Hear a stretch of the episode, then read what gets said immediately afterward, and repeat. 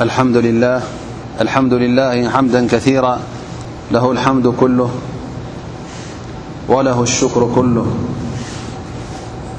علانيته وسره لك الحمد يا ربنا على ما قضيت ولك الحمد يا ربنا على ما أعطيت حمدا يوافي نعمه ويكافي مزيده وأشهد أن لا إله إلا الله وأن محمدا عبده ورسوله وصفيه وخليله بلغ الرسالة وأدى الأمانة فصلاة ربي وتسليماته عليه وعلى آله وصحبه الطيبين الطاهرين وعلى من استن بسنته واهتدى بهداه إلى يوم الدين وبعدرمأالسلام عليكم ورحمة الله وبركاته لو إن شاء الله تعالى آي ملشة سورة التوبة جمرينا إن شاء الله تعالى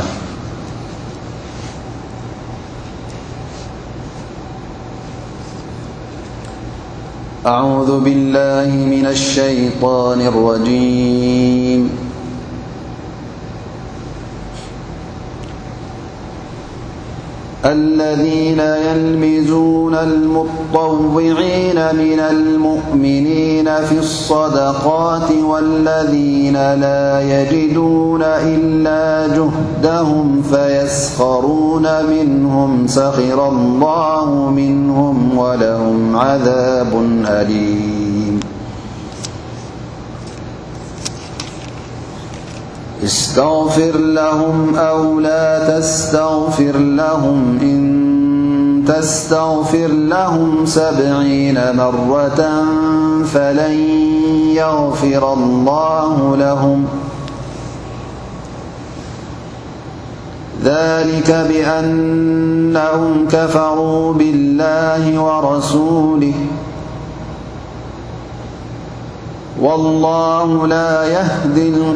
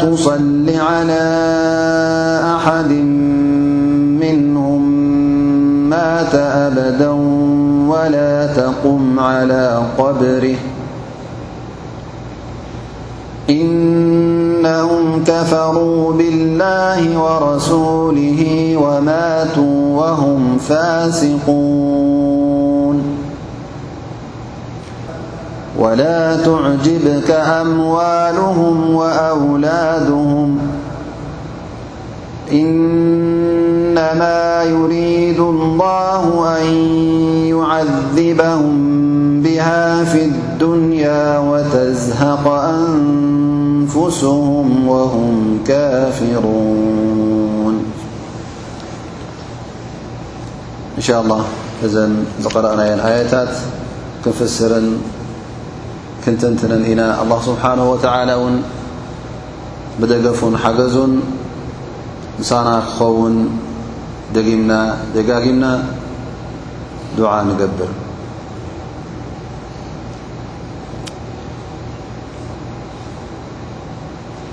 الله سبانه وتعلى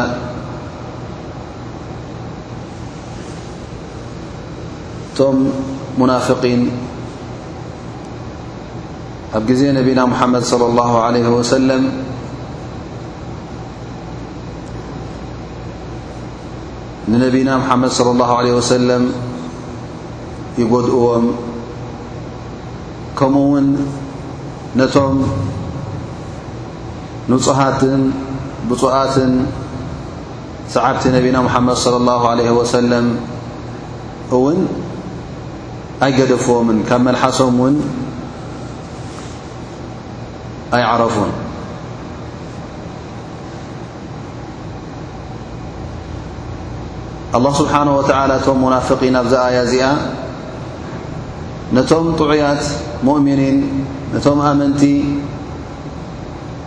ከናሽዉ፣ ከናእሱ፣ ከቃልሉ፣ ክሓምዩ ይርከቡ ከም ዝነበሩ ኣብዛ ኣያ እዚኣ የብርሃልና ኣሎ ማለት እዩ። እቲ ዝሕመይሉ ዘለዉ ድማ እንታይ እዩ? ገበን ፈፂሞም ድዮም? ጌጋ ገይሮም ድዮም? ኣይኮነን። እንታይ ደኣ ንሰናይ፣ ንኼር፣ ንረቢ ዝፈትዎ ተግባራት ክገብሩ እንከለዉ እቶም ሙናፍቒን እንታይ ይገብሩ ማለት እዩ ሕጂ ነዚ ተግባራት እዚ ካልእ ስም እናሃቡ ብኻልእ ዓይነት ኣረኣእያ እና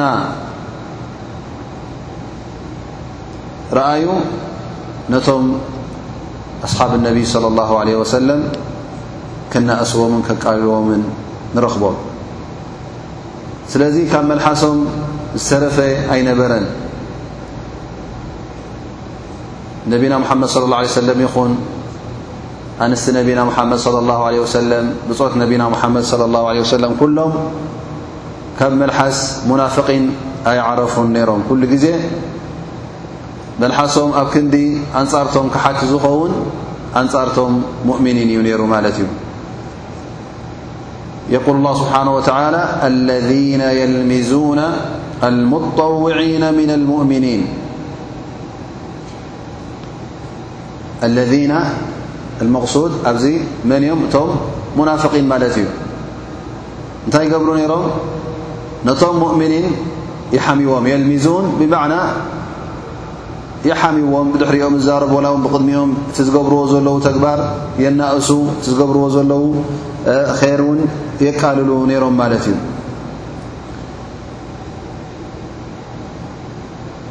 እዞም ኣስሓብ ነቢ صለ ላ ለ ወሰለም ዝገብርዎ ዝነበሩ ኩሉ ግዜ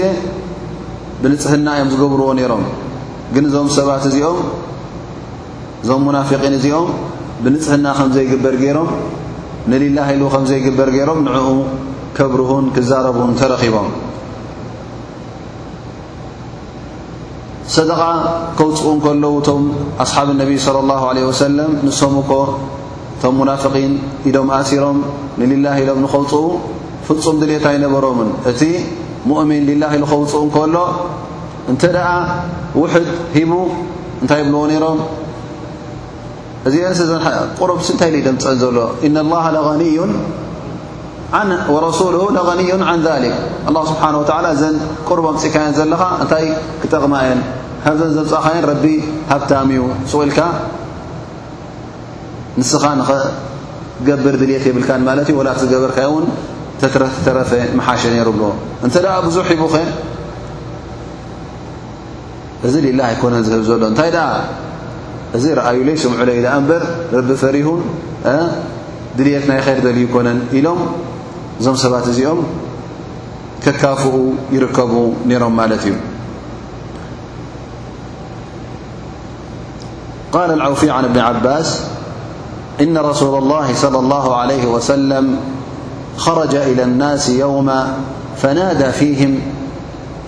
أن اجمعوا صدقاتهم فجمع الناس صدقاتهم ثم جاء رجل من آخرهم بصاع من تمر فقال يا رسول الله هذا صاع من تمر بدت ليلتي أجر بالجرير الماء حتى نلت صاعين من تمر فأنسكت أحدهما وأتيتك بالآخر فأمره رسول الله صلى الله عليه وسلم أن ينثره في الصدقات فسخر منه رجال وقالوا إن الله ورسوله لغنيان عن هذا وما يصنعون بصاعك من شيء ثم إن عبد الرحمن بن عوف قال لرسول الله صلى الله عليه وسلم هل بقي أحد من أهل الصدقات قال رسول الله صلى الله عليه وسلم لم يبقى أحد غيرك فقال له عبد الرحمن بن عوف فإن عندي مئة أوقية من ذهب في الصدقات فقال له عمر أي عمر بن الخطاب - رضي الله عنه أمجنون أنت قال ليس بجنون قال أفعلت ما فعلت قال نعم ما لي ثمانية آلاف أما أربعة آلاف فأقرضها ربي وأما أربعة آلاف فلي فقال له رسول الله صلى الله عليه وسلم بارك الله لك فيما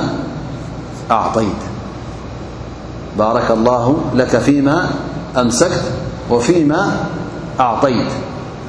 ولمزه المنافقون فقالوا والله ما أعطى عبد الرحمن عطيته إلا رياءا وهم كاذبون إنما كان به متطوعا فأنزل الله عز وجل عذره وعذر صاحبه المسكين الذي جاء بالصاع من التمر فقال تعالى في كتابه العزيز هذه الآية الذين يلمزون المطوعين من المؤمنين في الصدقاتك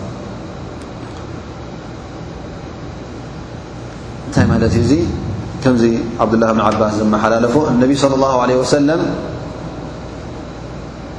ሓደ ጊዜ ናብቲ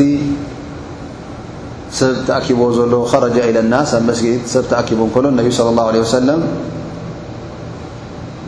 ኩልኹም ሰደቓኹም ኣምፅኡ ጠብ እዚ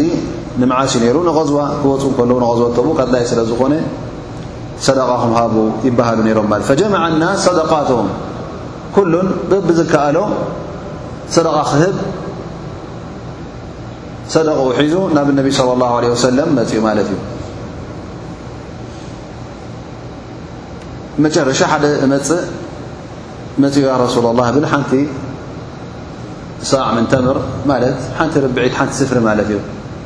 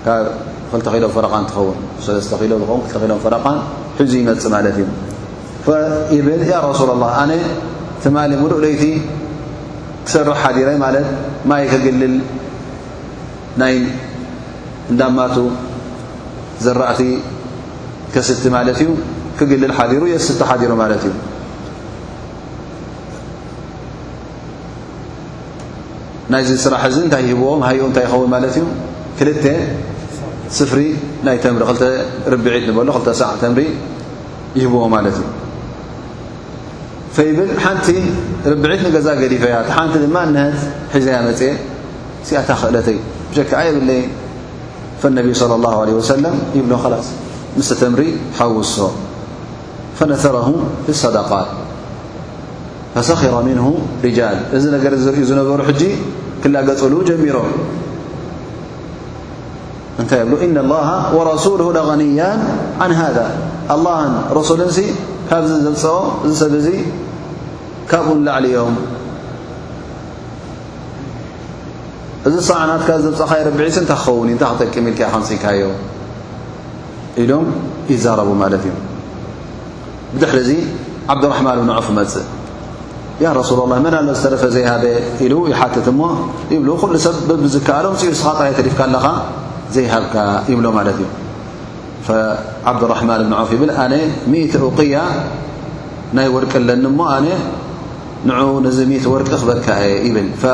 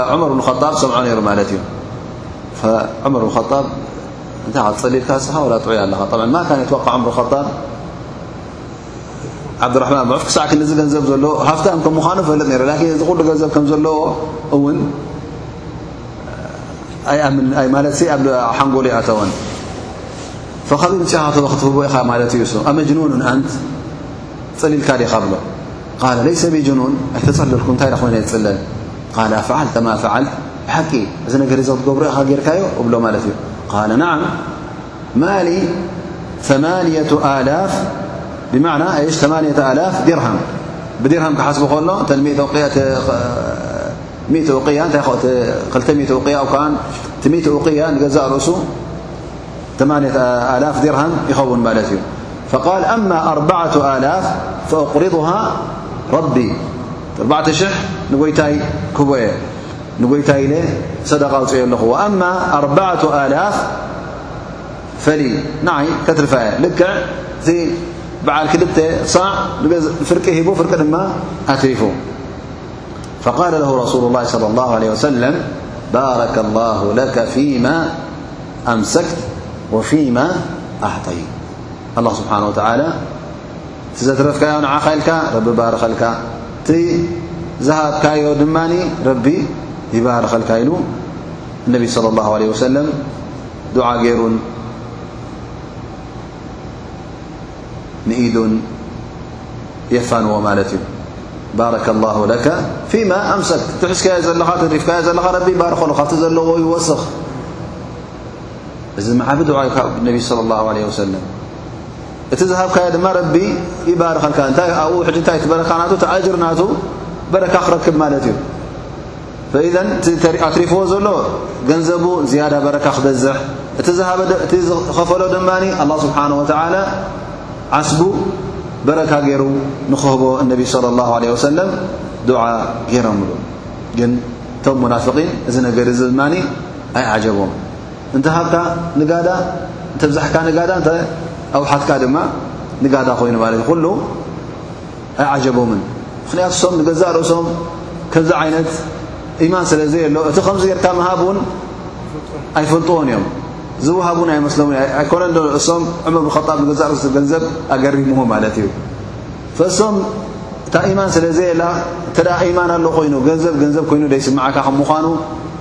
ሊላህ ኢልካ ክትህብ ከለኻ እቲ ዝስምዓካ መቐረት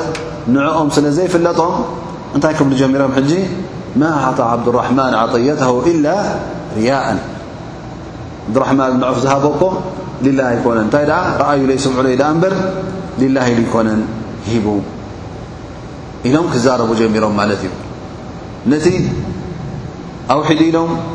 የሰናእስዎ ተግባሩ እቲ ድማ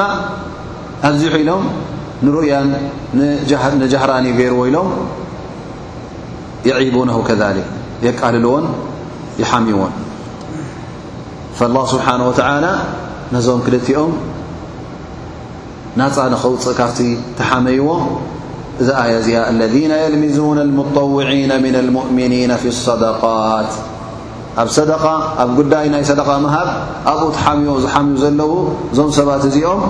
ጌጋ ከም ምዃኑ ኣላ ስብሓን ወተዓላ ይሕብረና ሎ ወለذነ ላ የጅዱና ኢላ ጅህደም ብዝያዳ ኣላ ስብሓን ወተዓላ ንመን ጠቒሱ እዚኣ ነቶም መሳኪንቲ ዘይብሉ ብዝከኣሎ መጠን ክህብ እንከሎ ዝያዳ እቲ ምልጋፅ ንዕም ዝላገፅሉ ነይሮም ነቲ ኣብዚሑ ኢሎም ንርእያ ኢሎም ይሓምዎ ነይሮም ነቲ ግን እዚኤንስ እንታይ ኢሉ ይምፅእወን ሕጂ ስቕ ኢሉ ዘይጠቕማ ነገር ሂበ ንኽብል ኢሎም ክላገፅሉ ነዚኣ ነገር እዚኣ ኣላ ስብሓን ወተላ ከም ዓባይ ነጥቢ ገይሩ ጠቒስዋ ማለት እዩ ወለذነ ላ የጅዱነ ኢላ ጅህደሁም ዝከኣሎም እናገበሩ እንከሎ ብዝከኣሎም መጠን ወላ ውይውሓድ እናሃቡ እንከለዉ እዞም ሰባት እዚኦም ሙናፍቒን እንታይ እዮም ዝገብሩ ነይሮም ንኦም ይላገፁ ፈየስኸሩነ ምንሁም እላገጹሎም እነ ላሃ ወረሱለሁ ለገንያኒ ዓን ሰደቀትክ እዛ ሰደቃ ዝሃብካያንሰ ኣላ ስብሓን እንታይ ኢልዋ እዩ ነዛ ሓንቲ ረብዒት ሒዝካ ትመጽእ ነዛ ሓንቲ ስፍሪ ሒዝካ ትቐርብ ኢሎም ይላገጹሉ ነይሮም ማለት እዩ ወላኪን ኣላ ስብሓን ወተዓላ ቀጺዕዎም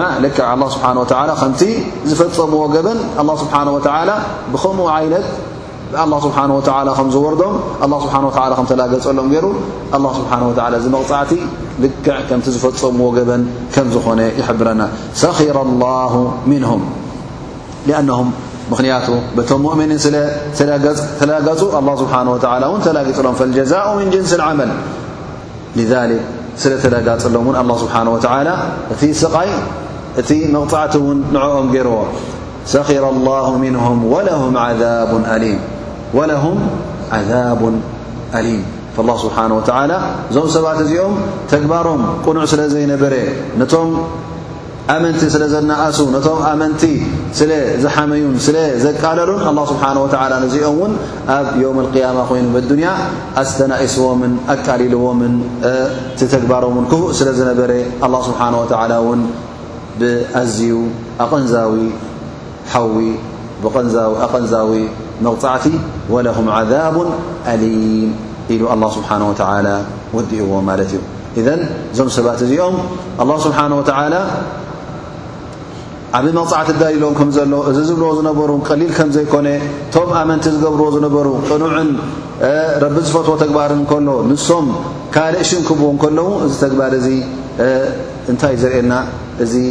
ተግባር እዚ ዓብይ ገበን ከም ምዃኑ ሊዛሊክ ኣላ ስብሓን ወተዓላ ብሰንኪ እዚ ገበን እዚ እውን ከም ዝቐፅዖም ኣብ ዮም ኣልቅያማ እዩ ዝሕብረና ዘሎ እዛ ኣያ እዚኣ ሸክ ዓብድራሕማን እብኒ ስዕዲ ይብል ብዙሕ ፋይዳታት ግን ነውፃላ ንኽእል ቀዳማይ ነገር ይብል ሓደ ነጥቢ እዞም ሰባት እዚኦም ነቲ ተግባራት ሙእምኒን ብደንቢ ይከታተሉ ነይሮም ክከታተሉ ከለዉ ድማ ንምንታይ ምእንቲ ምንታይ እዮም ይከታተልዎ ነይሮም ከሰናእሱን ነቲ ጌጋታት እንተ ደኣ ኣሎ ኮይኑ ነቲ ጌጋ ኣዕብዮም ከርእይዎኻ ነቲ ዝግበር ገበን ወላ እውን ገበን ዘይኮነ ውን ቅኑዕ እንከሎ ገምጢሎም ገበን ንኽገብርዎ ስለዚ ሓሪሲን ነይሮም ምንምንታይ ነቲ ተግባራት ሙእምኒን ኩሉ ግዜ ይከታተሉ ነይሮም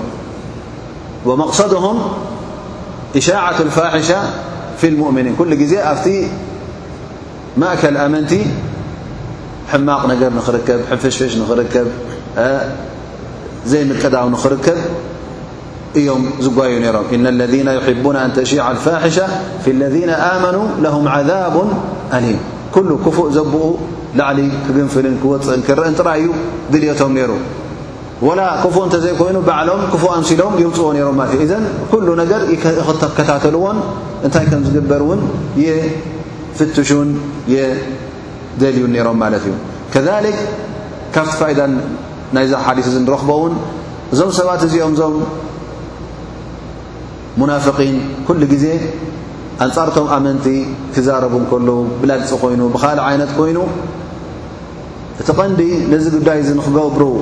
ዝደፋፍኦም ዝነበረ እንታይ እዩ እቲ እምነት ናይ ኣመንቲ ሓያል ስለ ዝነበረ ስለዚ እዚ እምነት እዚ ደስ ስለ ዘይበሎም ኩሉ ግዜ ነዞም ሙእምኒን እዚኦም ብሕማቕ ሽም ይጠቕስዎም ነይሮም እዚ እውን ንገዛእ ርእሱ እንታይ እዩ ኩፍሩን ቢላህ ስብሓን ወተላ ኩሉ ግዜ ፅልኢ ከም ዘለዎም እዩ ዘርእየካ ነይሩ ማለት እዩ ፈለምት ብድሕሪ ሰብ ኮይንካ ክትሓሚ ክትዛረብ ኣብ ጉዳይ ናይ ኣዱንያ እንተ ከም ዝገብር እዩ ከም ዘበቕዓካ ገበረ እናበልካ እተ ብድሕሪኡ ትዛረቡ ኮይንካ ትሓሚ ኮይንካ እዚ ንገዛእ ርእሱ ሙሓረም እዩ ወኢዛ ካን ፊ ጣዓ ሰናይ ተግባር ኣብ ናይ ጣዓት ላ ስብሓን ወተላ ምስ ዲን ዝተኣሳሰረ ክኸውን እንከሎ እዚ ዝኸፍአን ዝበእሰን ይኸውን ኣብ ክሕደት ውን ኣብ ኩፍር ውን ከብጽሓካ ይኽእል እዩ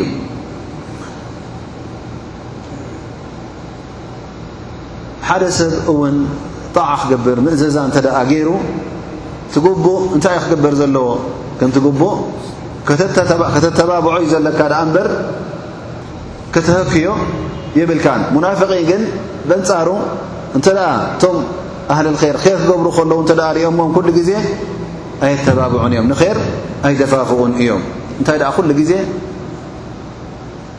ር ክትገብር እተ ሪኦምኻ ከመይ ገይሮም ካብዚ ኸይድ ዚ ድሕሪት ከም ዘትርፉኻ ናብ ትህኪት ከም ትወድቕ ይገብሩኻ ማለት እዮም እዘን ትድልቶም ሕጂ እንታይ ነይሮ እታ ቀሊል እቲ ቀሊል ነገር ዘምፀ ሓንቲ ስፍሪ ዘምፀ ብድሕሪ ሕጂ ከም ዘይምፅእ እቲ ድማ እቲ ብዙሕ ዝሃበውን ርያ ንኸይበሃል ሩያ ንኸይበሃል ኢሉ ድማ ካብቲ ዝህቦ ዘሎ ንኸውሕድ ኢሎም እዚ እዩ እቲ ንየኦም ነይሩ ማለት እዩ ኣይን ካብቲ ፈዋኢድ እንረኽቦ ብዛ ኣያ እዚኣ እዞም ሰባት እዚኦም እዞም ሙናፍቒን እዚኦም ዝሃብዎ ውሳነ መርትዖ ከም ዘይብሉ ቀዳማይ ነገር እቲ ር ኢሉ ወይ ከዓ እቲ ብዙሕ ነፈቓ ዝሃበ ሰደቓ ኣብዚሑ ዝሃበ እንታይ ኢሎሞ እዚ ሙራኢ ኢሎሞ ካበይ ኣምፅእኩሞ ሙራኢ ከም ምዃኑ ሙራኢ ኩሉ ግዜ ሩያ ንሩያ ክትገብር እንከለኻ እዚ ነገር እዚ ጉዳይ ናይ ንያ እዩ ኣብ ልቢ ዘሎ እዩ ፈከይፍ ሓከሙ ከመይ ገርኩም ኣብዚ ውሳነ ዝበፂሕኩም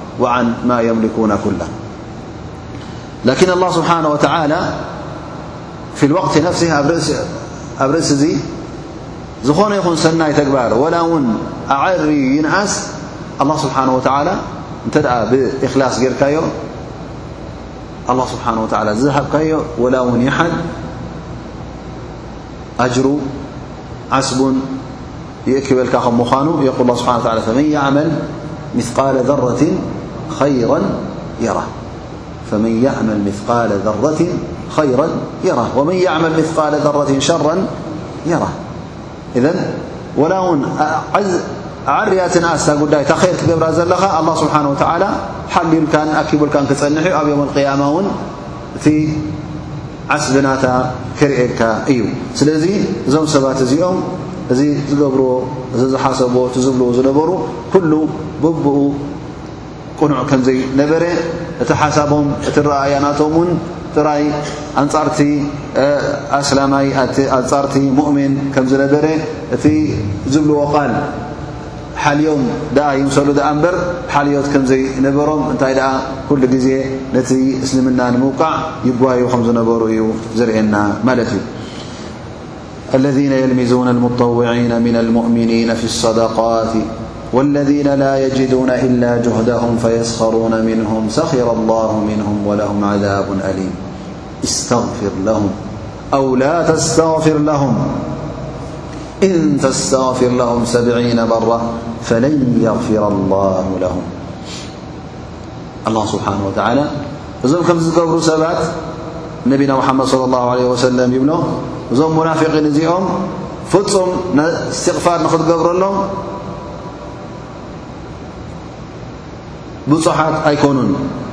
እዞም ሰባት እዚኦም እስትቕፋር ኣይሳህሉን እዮም ዝገብርዎ ዘለዉ ተግባር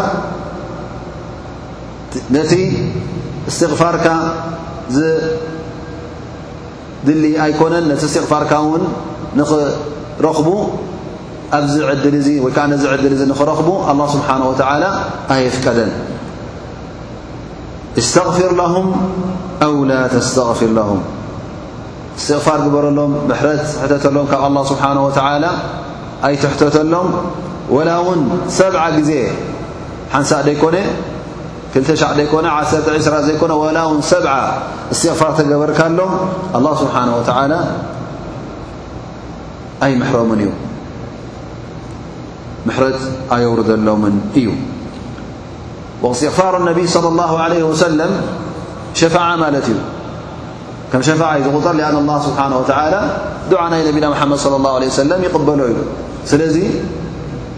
እዚ ሸፋዓ እዚ ድማ ንመን ይኾ ዝኸውን ንመን እዩ ልልሙእምኒን ዝኾነ ኣይኮነን እንታይ ደኣ ነቶም ኣመንቲ ጥራይ እዩ ዝኸውን ኣላ ስብሓን ወተዓላ ብፍፁም እዞም ሰባት እዚኦም እቲ ምሕረት ናይ ኣላ ስብሓን ወተዓላ ወላ ነቢ ስለ ላሁ ለ ወሰለም ምሕረት ተሓተተሎም እዚ ምሕረት እዙ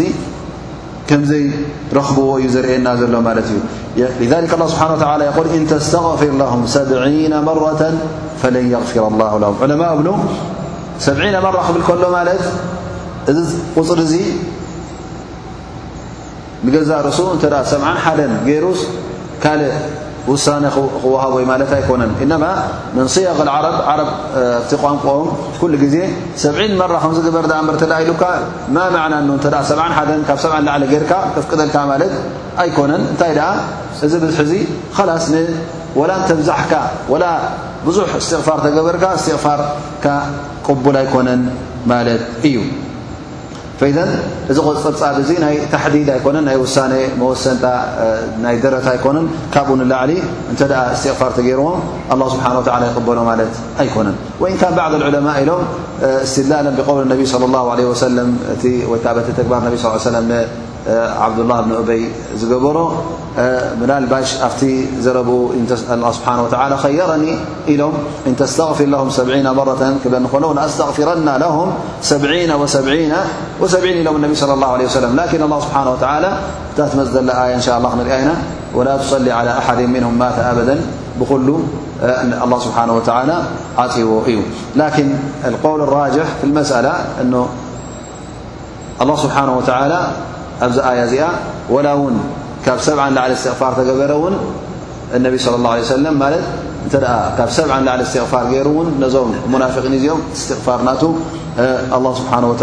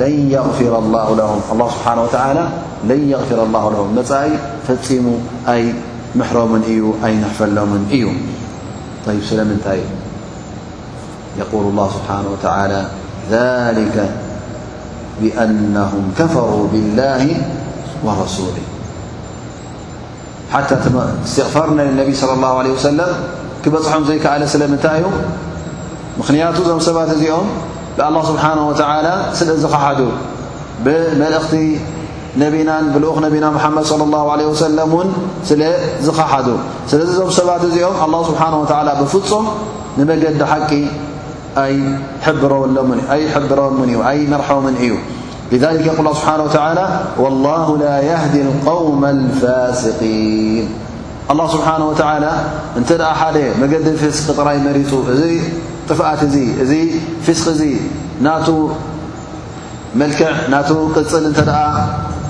ኮይኑ እሞ ኸኣ ኩሉ ግዜ ነዚ መገዲ ጥራይ ዝመርጽ እንተ ኮይኑ ኣላሁ ስብሓን ወተዓላ እዚ ሰብ እዚ ብፍጹም ንመገዲ ሓቅን ንመገዲ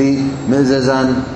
ኣይመርሖን እዩ ዕቃበን ለሁ ምኽንያቱ እዚ እውን መቕጻዕቲ ማለት እዩ ንዕኡ እንተ ኩሉ ግዜ ንመገዲ እከይ ጥራይ ንምምራሕ እንተ ዝጓየ ኮይኑ እናሓበርካዮ ከለኻ መገዲ ሓቂ እናርኣኻዮ ከለኻ መገዲ ረብን መገዲ ቁርኣንን ገዲፉ ኩሉ ግዜ ካብኡ ወፂኡ ናብ ካልእ መገዲ ጥራይ ዝደሊ እንተ ኮይኑ ዝመርፅ እንተ ኮይኑ እዚ ሰብ እዚ ኣላ ስብሓን ወተዓላ ንገዛእ ርእሱ እዚ ሰብ እዚ ኣላ ስብሓን ወተዓላ ካብ መገዲ ሓቂ ከም ዝርሕቅን ብዝያዳ ከም ዝጠፍእን እዩ ዝገብሮ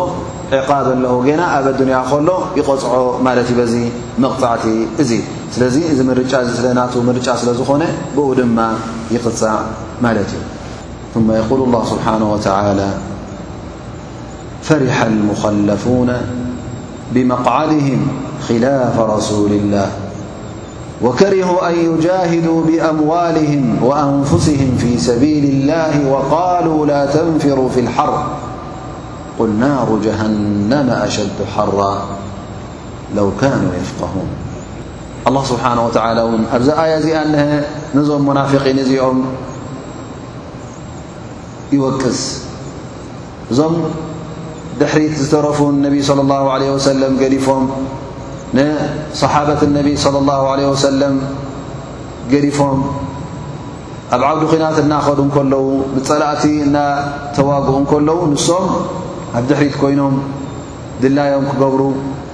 ክድቅሱን ከዕርፉን ጉድኣት ነቢና ሙሓመድ صለ ላه ለ ሰለም ዕጅብ ከይበሎም ቅጭጭ ከይበሎም ጉድኣት ኣብ ርእሲ እቶም ብፆት ነቢ ለ ላه ለ ሰለም ኣብቶም ምእመናን ኣብቶም ሙእምኒን ዝወርድ ጉድኣት እዚ ኩሉ ቅጭጭ ከይበሎም እንከለዉ ነቢ ስለ ላه ለ ሰለም ንቐዝወት ተቡ ክናኸደ እንከሎ እዞም ሰባት እዚኦም ድሕሪት ተሪፎም ማለት እዩ እዚ ጥራይ እውን ኣይኮነን፣ እቲ ምትራፍ ኣይኮነን፣ እንታይ ደኣ በዚ ምትራፍ እዚ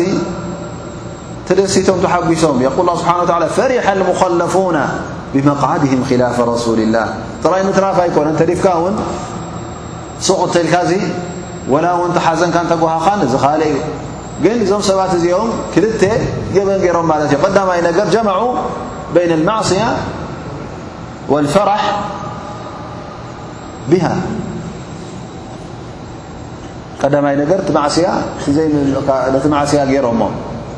ድሕሪት ተሪፎም ኣብ ርእሲኡ ድማ እዚ ማዕስያ ስለ ዝገበሩ ተሓጒሶም እዘን ድርብ ገበን ድርብ ወንጀል እዮም ዝፍፅሙ ዘለዉ ማለት እዩ ፈሪሓ ልሙኸለፉና ብመቕዓድህም ኽላፈ ረሱል ላህ ተኸለፉ ዓን ረሱል ላህ ብኡ ድማ ተሓጒሶም ደስ ኢልዎም ኣብ ክንዲ ና ንረሱል ስ ሰለም ዝረኸበት ትርከበኒ ኣብ ክንዲ ነቶም ኣሕዋተይ ምእመናን ዝረኸበት ትርከበኒ ሓደ ኣካል ኢና ኣብ ክንዲ ዝብሉ እዞም ሰባት እዚኦም ግን ሓደ ኣካል ከምዘይምዃኖም ኣብ ልቦም ስለ ዝሓብኡ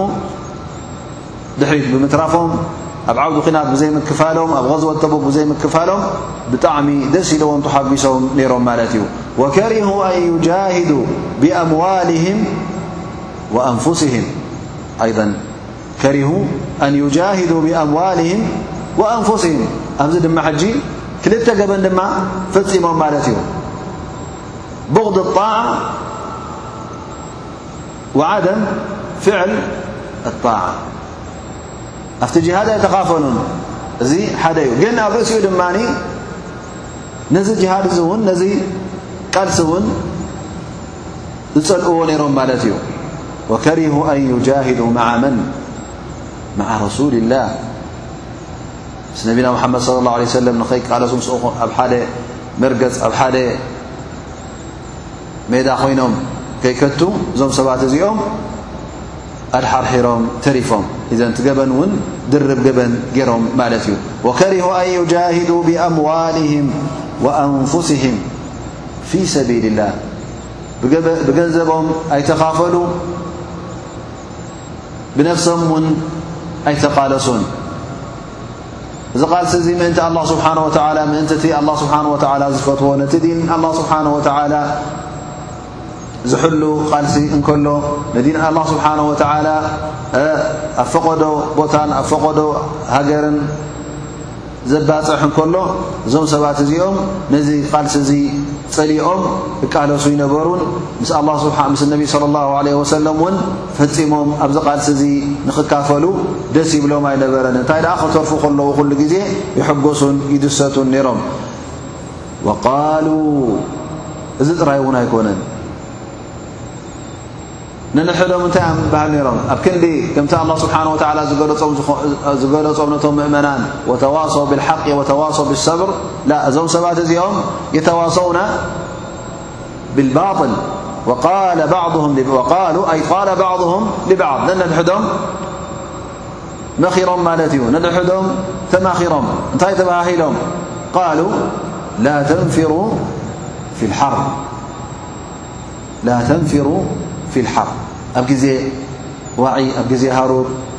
ጸሓይ ዝብርትዓሉ እዋንሲ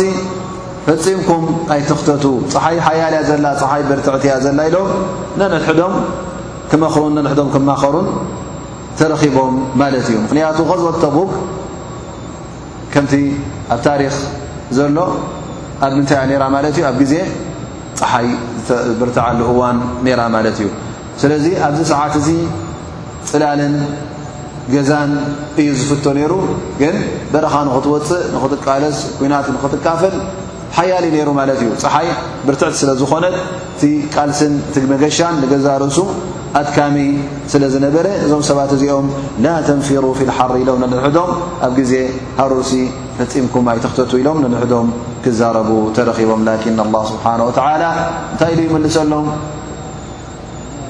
ቁል ያ ሙሓመድ ያ ረሱላ ላህ ከምዚ ኢልካ መልሰሎም ኢኻ እዞም ዓያሹ እዚኦም እዞም ደናቑር እዚኦም ቁል ናሩ ጀሃነማ ኣሸዱ ሓራ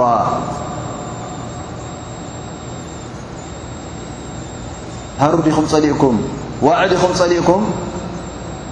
እሞ እንተ እምሮ ኣለኩም ኮይኑ ካብዚ ሃሩር እዚ ኣብ ክንዲ ካብዚ ቀሊል ሃሩር ተምልጡ ዘለኹም እቲ ዝዓበየ እሳትን እቲ ዝዓበየ ሃሩር እንዶ ጽበየኩም የለን ቁል ናሩ ጀሃነማ ኣሸዱ ሓራ በዚ ተግባር ዝገበርኩምዎ እኮ በዚ ትፍጽምዎ ዘለኹም ገበን ናብቲ ዝኸፍአ እሳት ናብቲ ዝኸፍአ ሓዊ ኣብቲ ዝኸፍአ ረስኒ ኢኹም ትኸዱ ዘለኹም ምኽንያቱ እሳት ጀሃንም ንገዛእ ርእሳ ብርቱዕ ሃሩር እዩ ዘለዋ ብርቱዕ ሓያል ዋዒ እዩ ዘለዋ ንስኹም ካብ ሃሩር ኣዱንያ ናበይኹም ትሃድሙ ዘለኹም ናበይኹም ትጎዩ ዘለኹም ናብ እሳት ናይ ኣኼራ ናብኢኹም ትጎዩ ዘለኹም ስለዚ እዚ ርእይቶኹም እዚ እዚ ዘረባኹም እዚ ዘረባ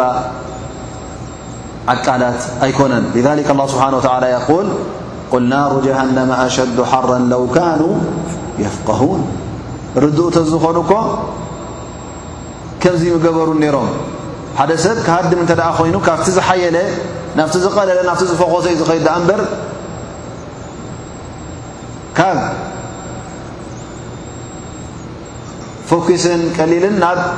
ዝفእي ዚ طعي ارأي ك رأي ل نار جهنم أشد حرا لو كان يفقهن كا قل الإم لك عن أبي الزناد عن الأعرج- عن أبي هريرة أن رسول الله صلى الله عليه وسلم - قال نار بني آدم التي توقدونها جزء من سبعين جزءا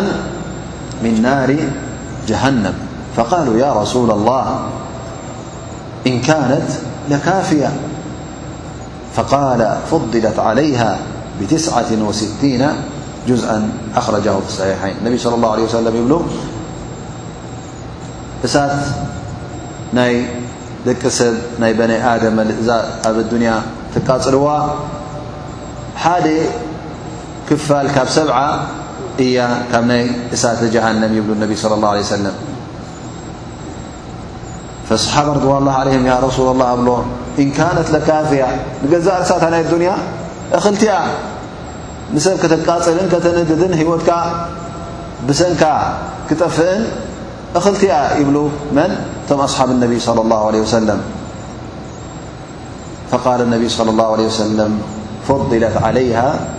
لع وت جز ي خرة ي يوم القيامة ات جهنم كبا ني الدنيا بسان تشع درجة لعل كينا ملت ي درجة تكن كل النيا سآخر كندي سبع ي تخون مالف وعن النعمان بن بشير ال قال رسول الله صلى الله عليه وسلم إن أهون أهل النار عذابا يوم القيامة لمن له نعلان وشراكان من لنار جهنم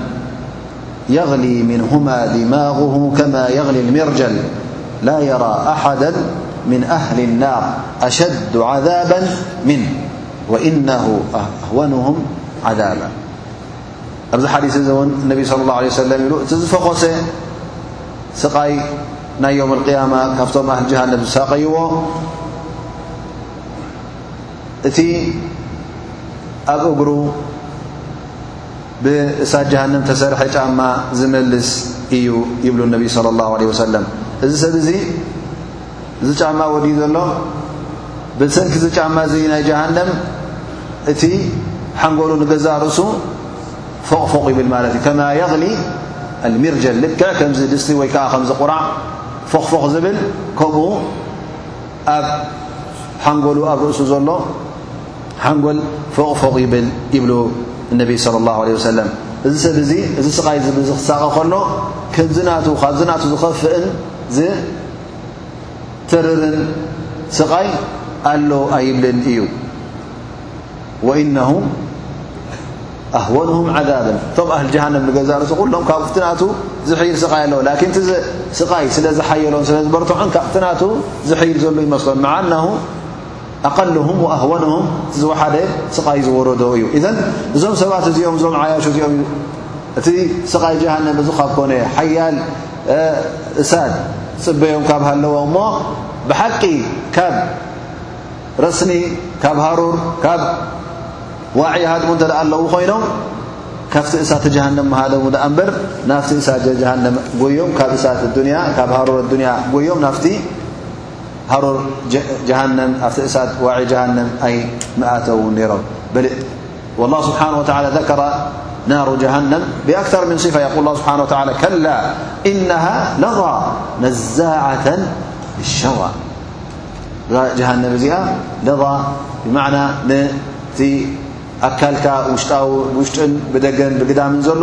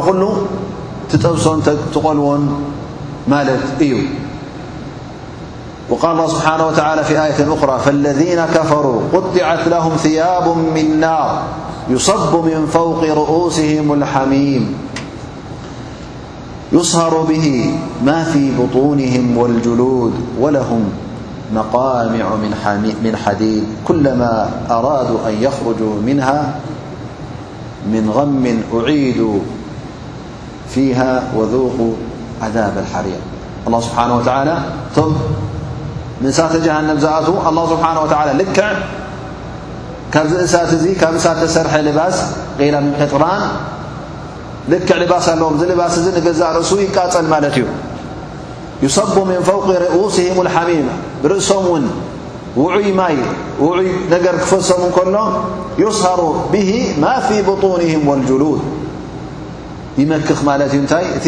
ኣብ ውሽጢ ከብድኻ ከብዶም ዘሎን እቲ ቆርቦቶምን ኩሉ ብርእሶም ምስ ፈሰሶም እቲ ሓዊ ናይ ጀሃንም እቲ ሃልሃል ዝብል ማይ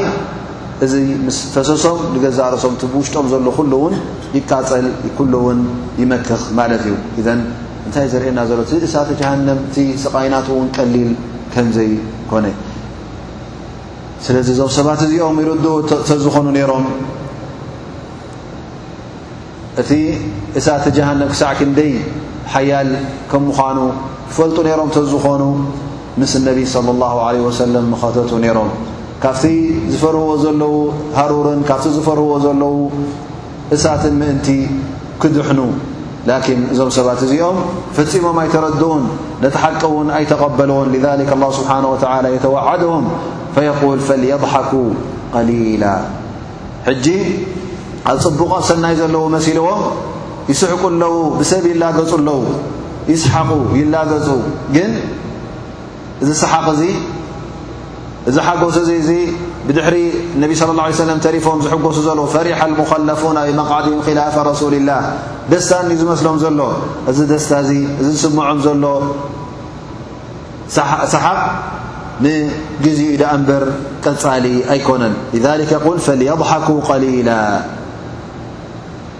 ውጽኢቱ እንታይ ክኸውን እዩ ጽባሕ ወልየብኩ ከራ ኣዱንያ ኣኼራን ከተመዛዝን ከለኻ ሰማይን ምድርን እዩ ወይ ካብኡ ዝተረሓሓቐ እዩ ፈጺሙ ዘይራኸብ እዩ ስለዚ እቲ ሓጎስ ኣብ ኣዱንያ ዝረኽብዎ ዘለዉ እቲ ምቾት ኣብ ኣዱንያ ረኺቦምዎ ዘለዉ እቲ ዝላገጽዎ ዘለዉ ሕጂ ዝስሕቅዎ ዘለዉ ውሑድ ሰሓቕ እዩ እሞ ንዑ እንተ ደኣ መሪጾም እነሀ ይስሓቑ ግን ጽባሕ ንግሆ ኣዱንያ ምስ ተወደእት ዓመታት ዕድሚኦም ምስ ተወደኤ ግዜ የውመል ቅያማ ምስ ኣተወ ሽዑ ክበኽዩ እዮም ሽዑ ድማ ዘቋርጽ ብኽያት ኣይኮነን ተወሰነ ብኽያት ኣይኮነን ውሱን ዕድመ ዘለዎ ብኽያት ኣይኮነን እንታይ ደኣ ዘየቋርጽ ብኽያት እዩ ንመዋእል ናይ መዋእል ብኽያት እዩ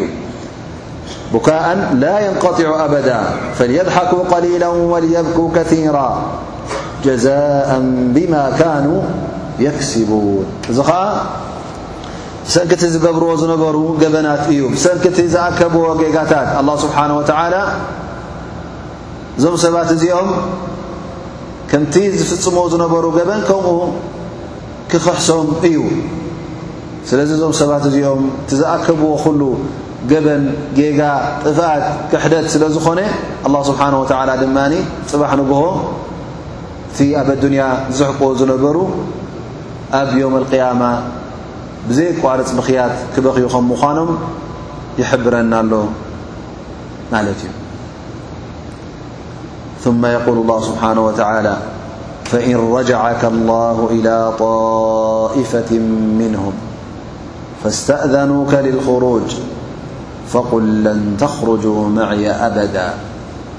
ولن تقاتلوا معي عدوا إنكم رضيت بالقعود أول مرة فاقعدوا مع الخالفين الله سبحانه وتعالى ንነቢና ሙሓመድ صለ ላሁ ዓለ ወሰለም ከመይ ገይሩ ምዞም ሙናፍቒን እዚኦም ክዛረብን ከመይ ገይሩ ውሳኔታት ክወስድ ከም ዘለዎ እንታይ ዓይነት ስጉምቲ ክወስድ ከም ዘለዎ ኣንጻሮም ኣላ ስብሓን ወተዓላ ሓበሬታ ይህበሎ ማለት እዩ ፈኢን ረጃዓካ ኣላ እንተ ደኣ ተመሊስካ ካብዛ ቐዝዋ እዚኣ ብሓይሊ ኣላ ስብሓን ወተዓላ እንተ ደኣ ብሰላም ተመሊስካ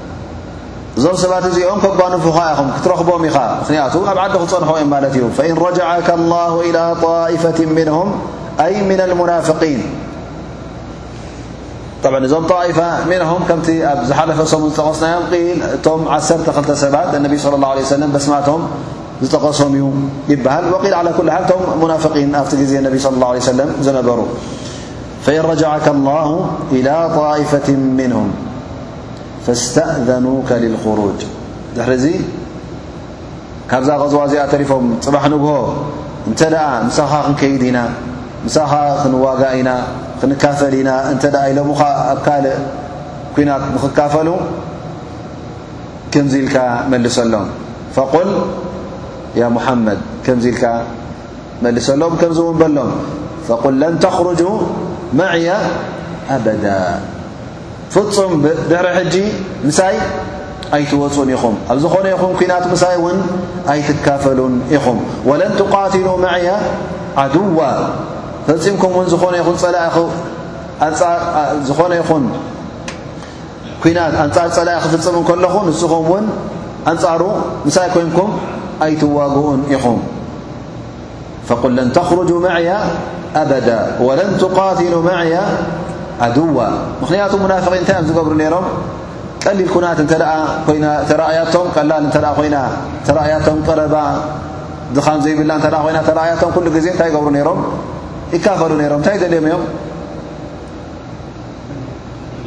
ቐኒማ ክርከብ እዩ እሞኒ ብቐሊል ነገር ክንረኽቦ ንኽእል ኣብቲ ኩናት ንገዛእ ርእሶም እውን ኣይዋግኡ ንኾኑ ድሕሪ ድሕሪ እናበሎ ክተረፍቲ ካልእ ሰብ ዋጋ ኣሎም ንሶም ግን በትን በትን ይጓይዩ ኔርና ተኻፊልና ኢና ብሎ ማለት እዩ ኣብቲ ዝውሰድ ኣብቲ ሰልቢ ኣብቲ ዝማረኽ ማል ኣብኡ ምእንቲ እጃም ንኽረኽቡ ማለት እዩ ላ ስብሓን ወተላ እዞም ሰባት እዚኦም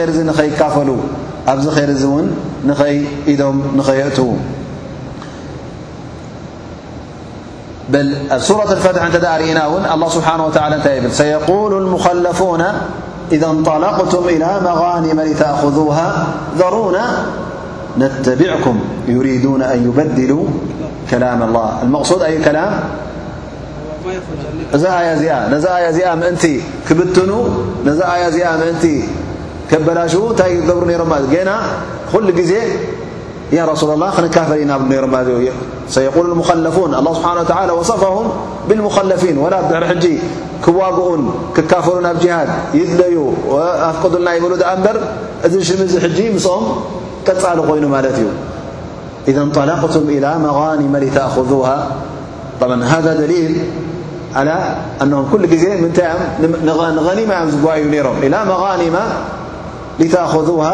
ዘሩና ነተቢዕኩም ግደፉና ምሳኹም ክንከይድ ኣይተትርፉና ክብሉኻ እዮም ዩሪዱና ኣን ዩበድሉ ከላም ላህ እዘን ዞም ሰባት እዚኦም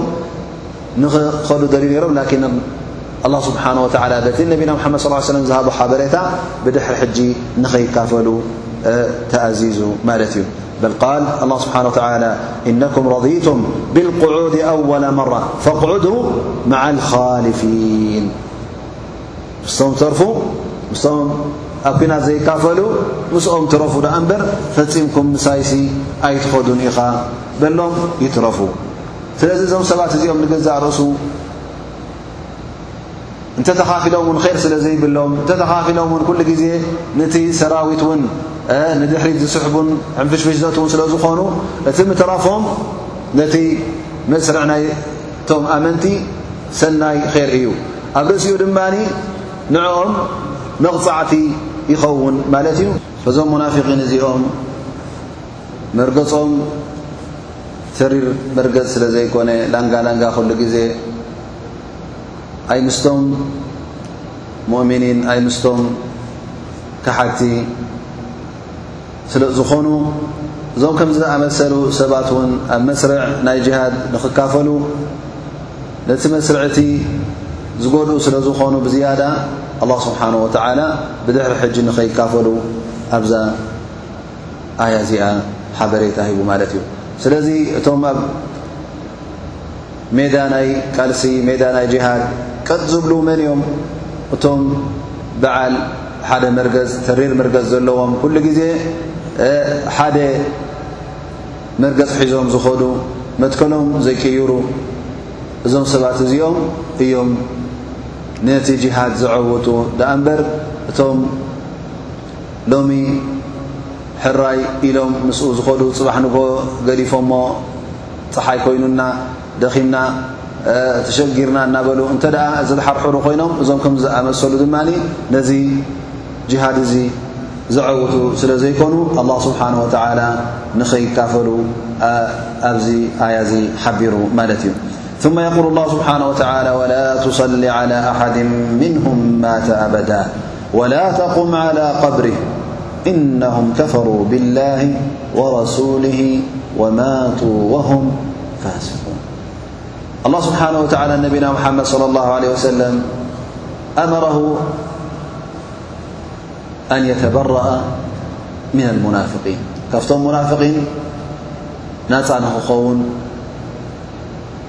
ፈጹም ርክብ ንኸይህልዎ ምስኦም ኣላ ስብሓን ወተዓላ ይእዙ ዘሎ ማለት እዩ ከምኡ ውን እንተ ደኣ ሞይቶም ንዝሞተ ንኸይሰግደሉ ዱዓ ንኸይገብረሉ እስትቕፋር ከይገብረሉ ካብ ኣላ ስብሓን ወተዓላ ዱዓ ገይሩ ምሕረት ንኸይሓትት ነዚ ሙናፍቕ እዚ ኣነቢ ስለ ላሁ ለ ወሰለም ማለት ነቢ ስ ሰለም መቕፊራ ንኸይሓትሉ ኣብዛ ኣያ እዚኣ ኣላ ስብሓን ወተላ ኣዚዝዎም ማለት እዩ ምኽንያቱ እዞም ሰባት እዚኦም ክሓቲ እዮም ዝቝፀሩ ብኣላ ስብሓን ወተላ ክሒዶም ብልኡኽ ኣላ ስብሓን ወተላ ስለ ዝኸሓዱ ክሒዶም እውን ስለ ዝሞቱ ካብቲ መገዲ ኣላ ወፂኦም ከለዉ ብኽሕደቶም ስለ ዝሞቱ እውን ስለዚ እዚ ውሳነ'ዚ ተዋሂቡ። እቲ ዝስገዶ ኢበን መን እዩ? መቕፊራ ዝሕተቶ መን እዩ? ሙእሚን እንተ ደኣ ከሓዲ ኮይኑ ክስገዶ የብሉን። ኢዘን እንተ ደኣ ሓደ ሰብ ካፍር ምዃኑ ትፈልጦ ኮንካ ትሰግደሉ ደይ ትሰግደሉን ዱዓ ትገብረሉ መቕፊራ ትሓተሉ ኣይትሓተሉን ኢኻ። ንመን እዩ እዚ? ነቲ ሙእሚን ማለት እዩ። ጠብ ሃذ ቃል ሕክሙን ዓም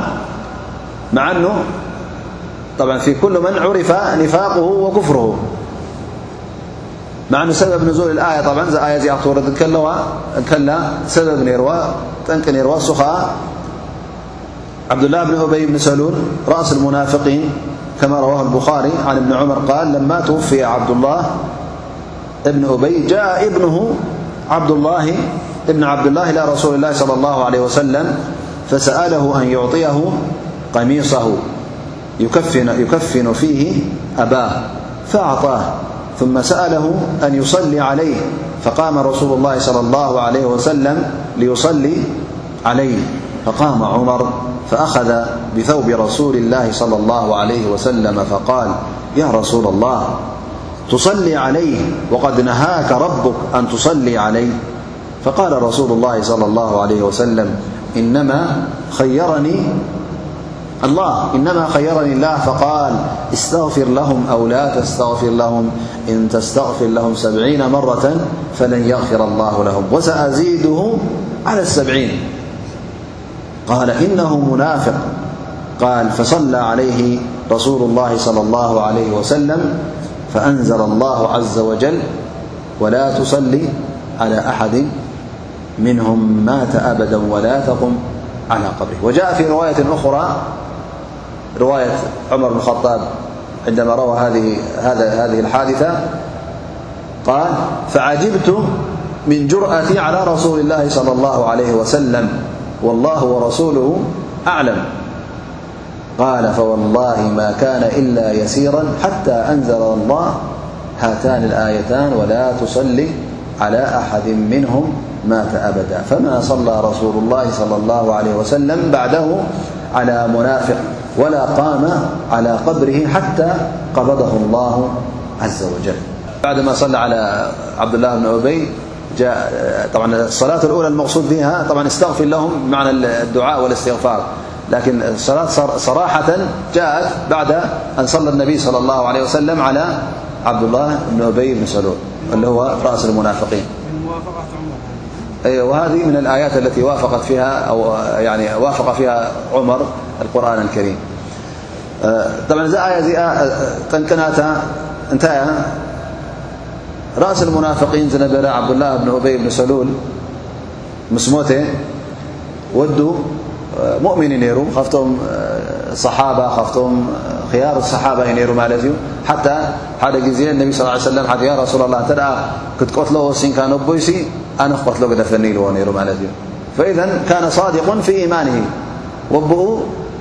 ሙናፍቕ ነይሩ ማለት እዩ ምስ ሞተ ይብሎ ያ ረሱላ ላ ኣቦይ ሞይቱ ሞኒ እታ ቐሚስ ናትካ ሃበኒ ብኣ ገይረ ክደፍኖ ይብሎ ማለት እዩ ነቢ صለ ላه ለ ወሰለም ዓብዱላ እዚ ሰሓብ ዝመፅዎ ኢሉ ንዕኡ ክሐጉስ ኢሉ ሂብዎ ማለት እዩ ምስ ሃቦ ጽንዒል ተመሊሱ ድማ ያ ረሱላ ላህ ኸላስ ሕጂ ክንደፍኖ ስለ ዝኾና ክቕበር ስለ ዝኾነስ እንተ መጺኻ ሰላት ልጀናዛ ተሰገድካሉ ኢልዎ እሞ ሕራ ኢልዎ ኸይዱ ማለት እዩ ፈቃመ ዑመር ዑመር ሕጂ ክሰግድ ምስ ተቐራረበ ነቢ ስለ ላሁ ለ ሰለም ንረሱሉ ላ ስ ሰለም ብክዳኖም ይስሕቦም ማለት እዩ ያ ረሱላ ላ ከመይ ኢልካ ዝሰብ ዘሎ እዚ ሙናፍቕ እንዲ ትፈልጦ እንዲኻ ወላ ስብሓን ወተዓላ እስትቕፋር ኣይትግበረሎም ኢሉ እኳ እንዲ ስለምንታይ ትሰግደሉ ل عمر بن اخطاب نبيا محمد صلى ال عليه سلم يسحبم لت فني م ل بي صلى عليه سلم ال إنما خيرني الله الله سبحانه وتعالى مر هبن من استغفر لهم أو لا تستغفر لهم استغر رلم يتجبرلم ولا استغر تبرك لهم سع ز أي غفرلم لني ن ن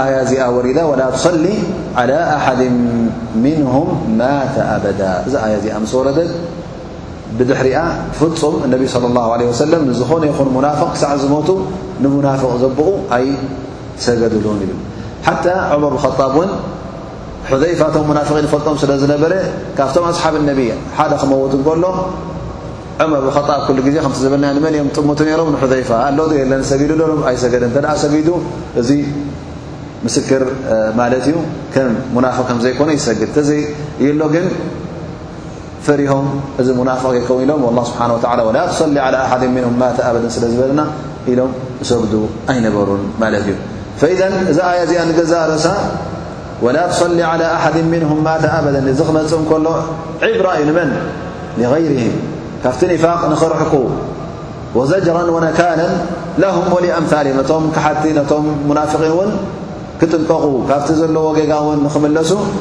እቲ ዝመውት ካብኦም ውን ብፍጹም እስትቕፋር ከም ዘይረክብ ነቢ ስ ሰለም ከም ዘይሰግደሉ ካፍቶም ሙእምኒን ከም ዘይቁፀር እዚ ኩሉ የርኢ ኣሎ ማለት እዩ ፈኢዘን ኣንቱም ሙእምኒን ተጠንቀቑ መገዲ ኒፋቕ ኣይተሓዙ ፅባሕ ንግሆ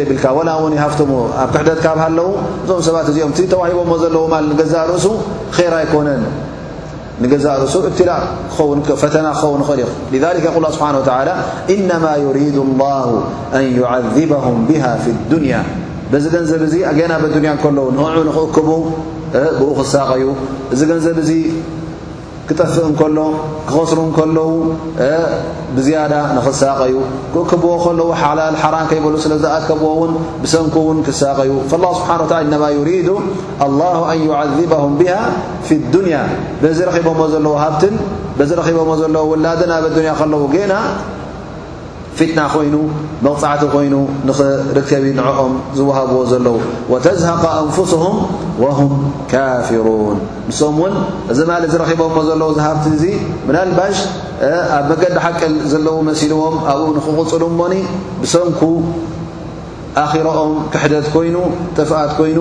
ክሞቱ ከለዉ ካሓቲ ኮይኖም ክሞቱ እሞ ኣብ ዮም ቅያማ ኣላ ስብሓን ወተላ ምእንቲ ክቆፅዖም እዩ እዚ ገንዘብን ማልን ሂብዎም ዘሎ ስለዚ እዚ ገንዘብ እዚ ኣይዕጀብካ ወላ እውን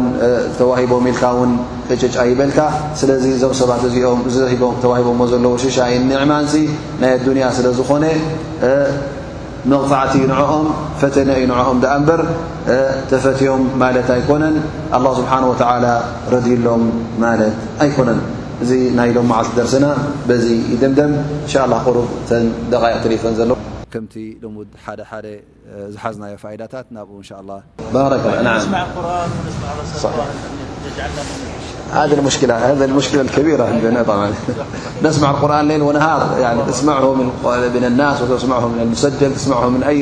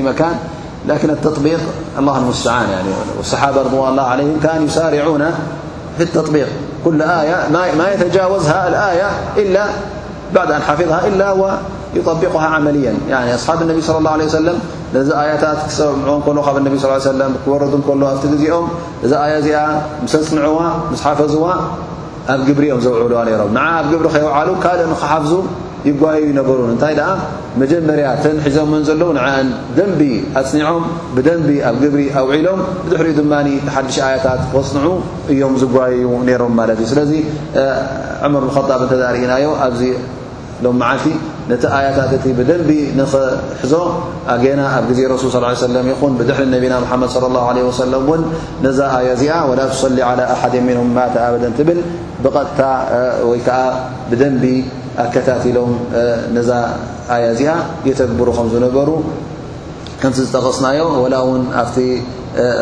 ድሕሪ ነቢና መድ ص ሰለም ንሑዘይፋ ይከታተሉ ነይሮም ኢልና ዑመር ብ ጣብ ስለዚ እንታይ ዩ ዘርእየና ኩሎም ቶም ኣስሓብ ነቢ صለ ላه ለ ወሰለም ነቲ ኣያታት ከፅንዕዎም ከለዉ ብቃልን ብተግባርን እዮም ዘፅንዕዎ ነይሮም ባረከ ፊ ብ እተ ብዙሓት ነጥቢ ጠቂሱ ማለት እዩ ብዝያዳ እተ ቀዳሞት ነጥብታት እቶም ሙናፍቒን ዝገብርዎ ዝነበሩ ተግባራት ኩሉ ግዜ ካብ ዘይምርዳእ ነቲ ዲን ውን ካብ ዘይምፍላጥ ኣፍልጦኦም ውን ውሑድን ድኹምን ከም ዝነበረ እዩ ዘርእየና ማለት እዩ ምክንያቱ እዞም ሰባት እዚኦም ከምቲ ኣ ስብሓ ለذ የልሚዙ ሙጠውዒን እዞም ሰባት እዚኦም ነቲ ር ዝገብር ኩሉ ግዜ ንዑ ክወቕሱ ክርከቡ ከለዉ እዚ ካብ ዘይምርዳእ ነቲ ዲን ስለ ዘይፈልጡ እዮም ከምኡ ውን ካብቲ ዘይምርድኦ ንሪኦ ኣላሁ ስብሓን ወተዓላ ነቲ ውሑድ ዘውፅእ ዘሎ ሰደቃስ ካብቲ ዘውፅኦ ዘሎ ኣላ ስብሓን ወተዓላ ቐኒዩ ኣየድልዮን ዩ ክብሉ ከለዉ እዚ ጌጋ ተረድኦ ከም ዝርድኡ ዘለዉ የርእየና ማለት እዩ ምክንያቱ ኣላ ስብሓን ወተዓላ ብዙሕ ኣውፅእካን ውሑድ ኣውፅእካን ንዕኡ ዝበፅሖ ኣይኮነን እንታይ ደኣ እቲ ኣጅሪን እቲ ጣዓትላ ንልልካ ስብሓን ወተዓላ ትገብሮ እንሱ እዩ ዝረአ እዚ እዩ ካልኣይ ነጥቢ እውን እቲ ትሑት ተረድኦ ከም ዘለዎም እውን ኣበይ ንርኢ ማለት እዩ ላ ተንፊሩ ፊልሓር ክብሉ ከለዉ ኣብ ግዜ ሃሩር ኣብ ግዜ ዋዒ ኣይትኽተቱ ክብሉ ከለዉ እዞም ሰባት እዚኦም ብሓቂ ርድኡ ነይሮም ተዝኾኑ ካብቲ እሳተ ጀሃንም